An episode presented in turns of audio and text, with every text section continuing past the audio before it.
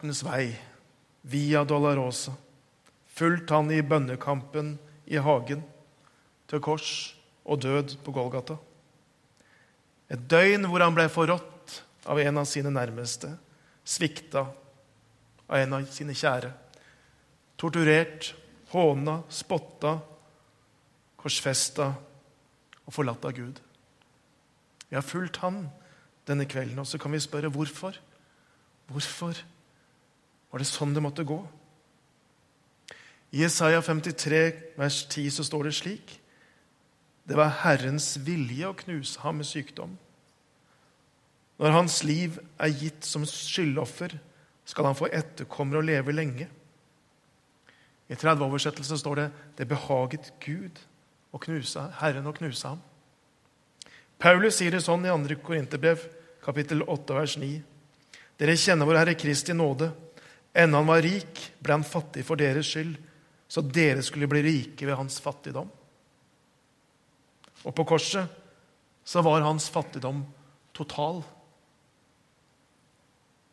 Han hadde mista alt. Ingenting var igjen. Han var helt tømt ut. Og så gjorde han det for at vi skulle bli rike. For at vi skulle ha alt i ham. For at han skulle kunne fylle alt i alle.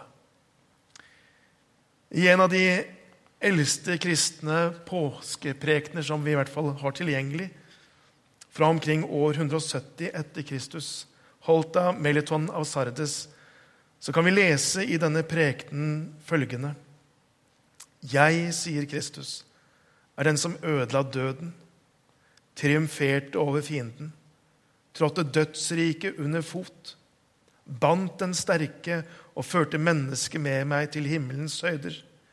Jeg gjorde det, sier Kristus.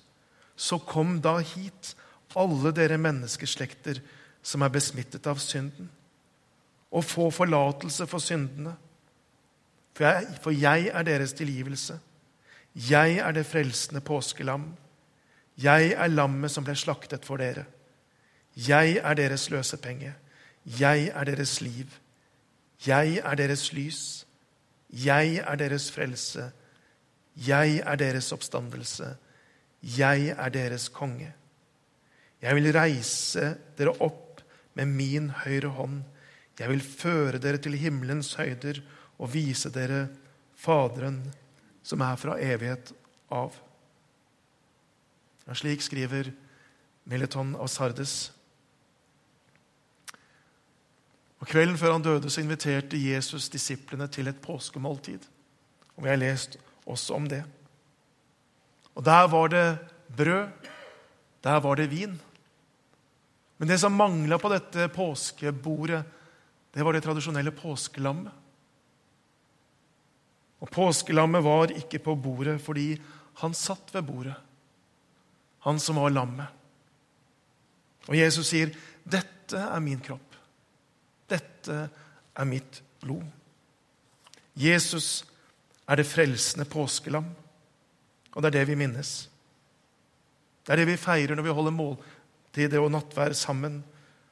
Og Paulus sier det slik.: for hver gang dere spiser dette brød og drikker av begeret, forkynner dere Herrens død helt til Han kommer. Når vi feirer Herrens måltid sammen, så er det et fellesskapsmåltid. Det er et festmåltid, men det er også dette minnemåltidet, hvor vi minnes det Jesus har gjort for oss.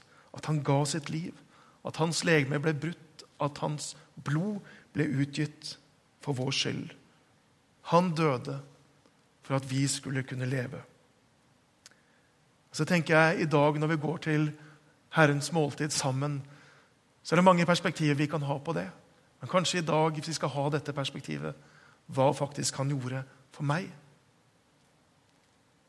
Han døde slik at jeg kan leve. Han ble fattig slik at jeg kan være rik. Han ble gjort til synd for at jeg kan være tilgitt. Han ble forlatt av Gud, slik at jeg kan vite at jeg aldri noen gang trenger å være forlatt av Gud selv. Det er det vi skal være sammen om i kveld. Praktisk så gjør vi det slik. Dere kommer fram, kommer ut midtgangen. Så kommer jeg og Jan Olav til å stå her og dele ut brød og vin. Og så går dere ned og setter dere på plassen deres igjen. Og så er det mulig også i løpet av dette når vi tar nattvær, å benytte bønnestasjonene. Du kan skrive en bønnelapp og legge i bønnekrukka. Så vil vi sammen be for den etterpå. Vi leser ikke de lappene, men vi vil be for det som ligger der. Du kan tenne et lys på globen, tenne det på Kristuslyset i midten, og så representerer det en bønn, en takk, et menneske, en nød. Det er også mulig å få forbønn og gå i bønnerommet. Så vil det være noen der som møter deg i bønnerommet. Og så er alt brød glutenfritt, så det kan spises, og du kan være trygg på det. Vi skal lese innstiftelsesordene sammen. Da reiser vi oss opp. Jan Olav, du kan komme fram hit. Og så står det slik